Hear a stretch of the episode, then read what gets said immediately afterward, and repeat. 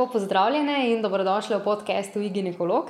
Moje ime je Monika in sem soustanoviteljica tehnološke platforme, preko katere lahko ženske dostopate do vrhunskih slovenskih strokovnjakov na področju zdravja v trenutku, ko to potrebujete, brez čakalnih vrst.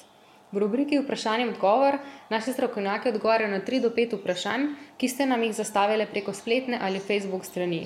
Vkolikor imate tudi sami vprašanje, ga lahko postavite na naši spletni strani iginekolog.si. Ta teden bomo odgovarjali na vprašanje o ovulaciji. Ovulacija je konkretno upeta v razumevanje menstrualnega cikla. Ženske vemo, kako pogosto imamo menstruacijo, kako močna je in kako dolg cikl imamo. Dosti krat pa se zalomi pri samem vprašanju ovulacije. Na vprašanje nam bo odgovoril magistr Stanko Pušenjak, doktor medicine, ki je vodilni strokovnjak za perinatalno medicino v Sloveniji, moderator foruma ABC ginekologije in porodništva na portalu MedOvernet in del ekipe e-ginekologa. Doktor Pušenjak, lep pozdrav. Dobrodan. Če samo eno splošno vprašanje, zakaj je tako težko ugotavljati ovulacijo?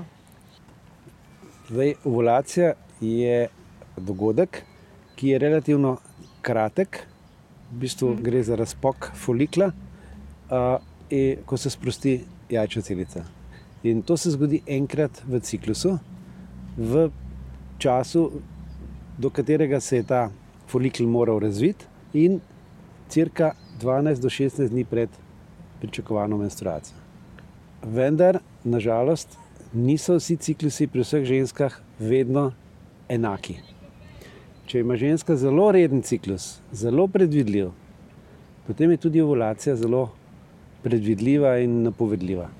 Čim imamo neka odstopanja, dva, tri dni, moramo ta odstopanja upoštevati tudi pri ovulaciji. Ker edino pravilo, ki drži za ovulacijo, je, da se ovulacija pojavi v povprečju 14 dni, z variacijami pa 12 do 16 dni pred začetkom menstruacije.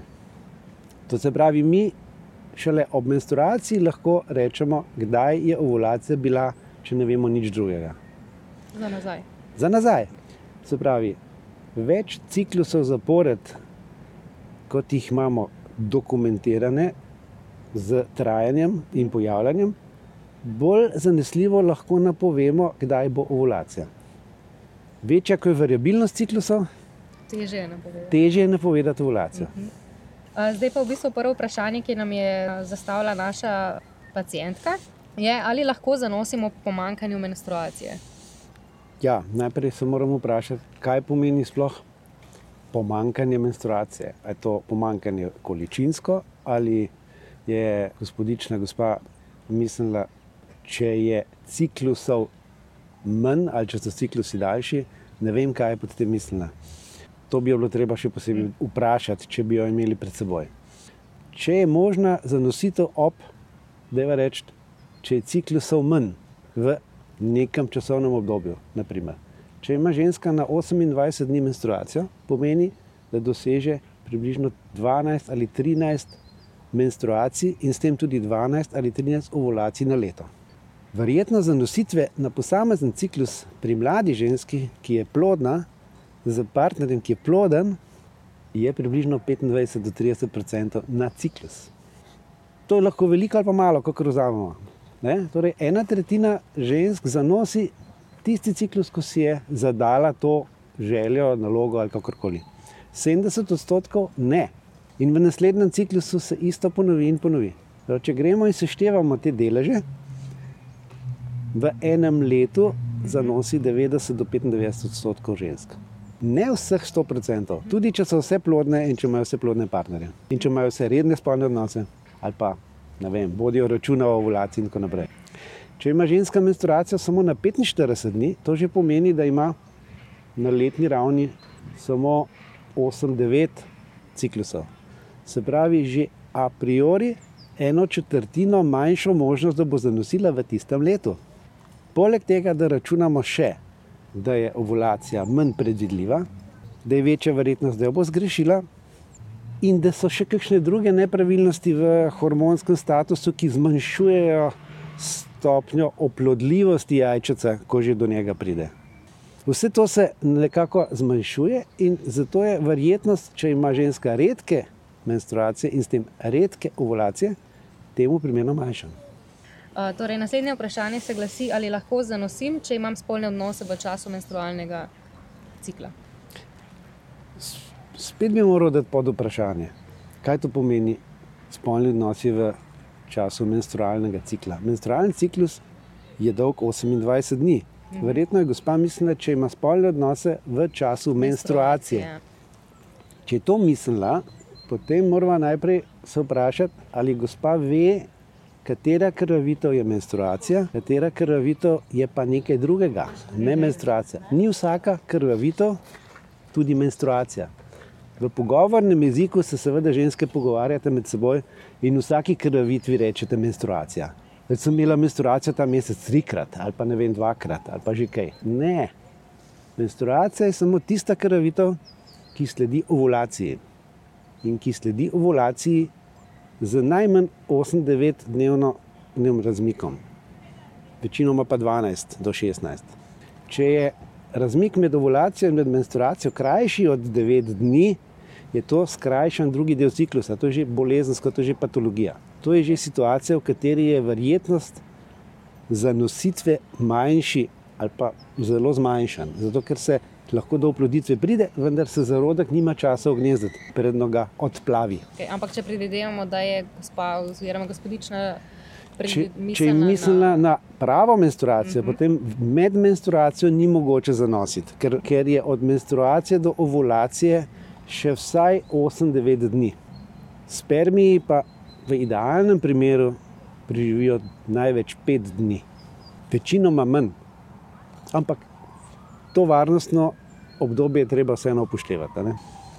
Verjetno je gospa vprašala, če imam spolne odnose, je možno, da sem kljub temu zanosila, čeprav nisem hotela zanositi.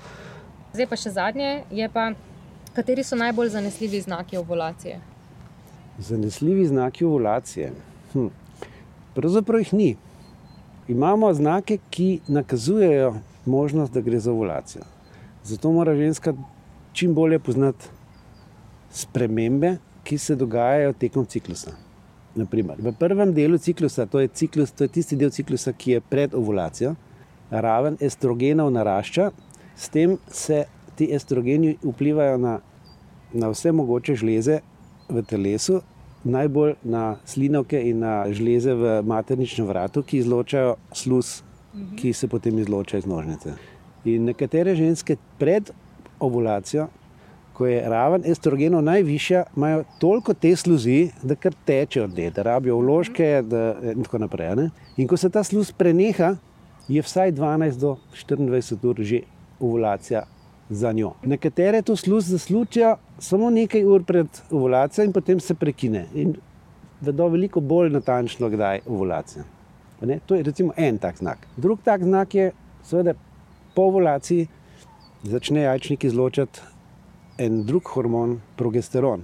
Ta ima specifične učinke spet na vse žleze v telesu, najbolj na, na žleze dojk, ampak tudi na kožo, na lasne folikle, na druge stvari, ampak tisto bolj počasi in manj zanesljivo. In ženska začuti po ovulaciji naenkrat, da ima dojke polne. In, in eh, potem, seveda, so tudi vplivi na čustva, ne, doživljanje stvari. Ne, pravimo, ker naenkrat postanem tečna, pa zadirčna, pa, pa ne vem, nič mi ni všeč in tako naprej. Ne.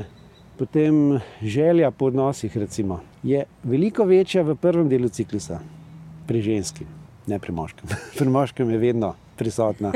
Ampak pri ženski je pa prisotna pretežno v prvem delu ciklusa in ob ovulaciji najbolj. Zavraj ženske, ki so zelo sproščene in ki se preveč ne ukvarjajo s tem, na tak rač, računalniški, znanstven način. Mm. Jim, do, jim je najbolj do spolnosti takrat, ko imajo ovulacijo, ali pa ti predtem. Po ovulaciji pa ta želja, libido na nek način usahne.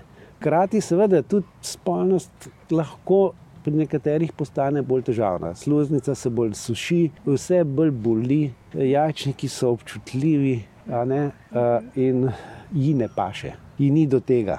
Vse. Ne? Ampak To so vse taki signali, ki, ki dajo uh, slutiti, kdaj je bila ovulacija, pa kdaj bo ovulacija. Seveda imamo pa tudi pripomočke, zdaj sodobna tehnologija omogoča cel kup stvari, lahko si meri ženska temperaturo. Recimo, če si meri temperaturo, vemo, da ko nastopi progesteronska faza, torej faza po ovulaciji, progesteron je termogen, se pravi, deluje na bazalni metabolizem na tak način, da se temperatura, bazalna temperatura, seveda, dvigne za pol do 0,8 stopinje Celzija, spet ne pri vseh, ampak pogoj je bazalna. Se pravi, če ženska spi mirno, ne po kakšnem pijančevanju in žuranju, ampak tako normalno, ob normalnih urah, od pred polnočjo pa do zjutraj. In zjutraj prva stvar, ki jo naredi, si izmeri temperaturo in si jo zapiše. Bo, če bo to vsak dan počela, opazila, da se ji nenadoma sredi ciklusa enkrat nekje, se ji ta temperatura dvigne za 0,5 do 0,8 stopinj Celzija. In ko se ta temperatura dvigne, je že vsaj 12 do 24 ur po ovulaciji. Seveda, če pride vmes kakšna motnja, da zboliš za kakšno infekcijo, da si živčen, da, da, da potuješ na drug stran svet, drugo stran sveta, da imaš jet lag in tako naprej, mm. pa to seveda odpade. Mm, Kakšno neprespano noč, slabo. Tako, tako potem se ti to podre in mm pač to ni več. Ampak recimo, to je ena od stvari, ki se jih da, če želiš, imaš mirno življenje, stalno enak rutino, način, rutino in tako naprej, primerno prehrano in vse drugo, a ne potem se da to uporabiti. Ali ob tik pred ovulacijo, torej 24 do 48 ur pred ovulacijo, se zgodi en hormonski dogodek, ki ga ne zaznamo, mhm. ampak ga lahko ugotovimo z preiskavo. To je tako imenovani LH vrh.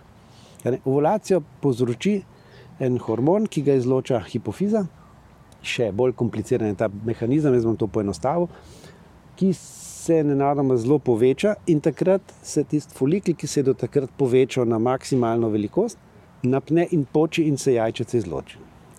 Po tistem, ko ta vrh nastopi. In ta vrh nastopi 24 do 48 ur, predno pride do te ovulacije. In ta vrh lahko ujamemo z testnim lističem, ki se ga kupi v lekarni, drugi marki in tako naprej, ki se mu reče ovulacijski test. Deluje podobno kot nosečniški test. In ne boste verjeli, tudi hormona sta si zelo podobna. Nosečniški hormon HCG in pa ovulacijski hormon LH sta si v polovici strukture zelo podobna. Tako da ta dva testa znata kdaj tudi ponagajati drug drugemu. Se pravi, z ovulacijskim testom se zna zgoditi, da je ta test lažno pozitiven, zato ker je ženska že noseča, in obratno z nosečniškim testom znaš dobiti lažen rezultat, da si noseč, čeprav je samo ovulacija -hmm. nastopila ali pa bo ovulacija nastopila, -hmm. ker so testi premalo specifični. Doktor Pušenjak, najlepša hvala za vaše odgovore in za vaš čas. Hvala Tako. tudi vam. Vam, dragim poslušalkam, pa za vašo pozornost. Ponovno vas vabim poslušati naslednji četrtek, ko bomo odgovarjali na vprašanja na temo kontracepcijskih sredstev. Do takrat pa ne pozabite obiskati naše spletne strani iginekolog.si, kjer lahko brezplačno vprašanje postavite tudi same ali pa se naročite na posvet. Lep dan vam želim, živijo!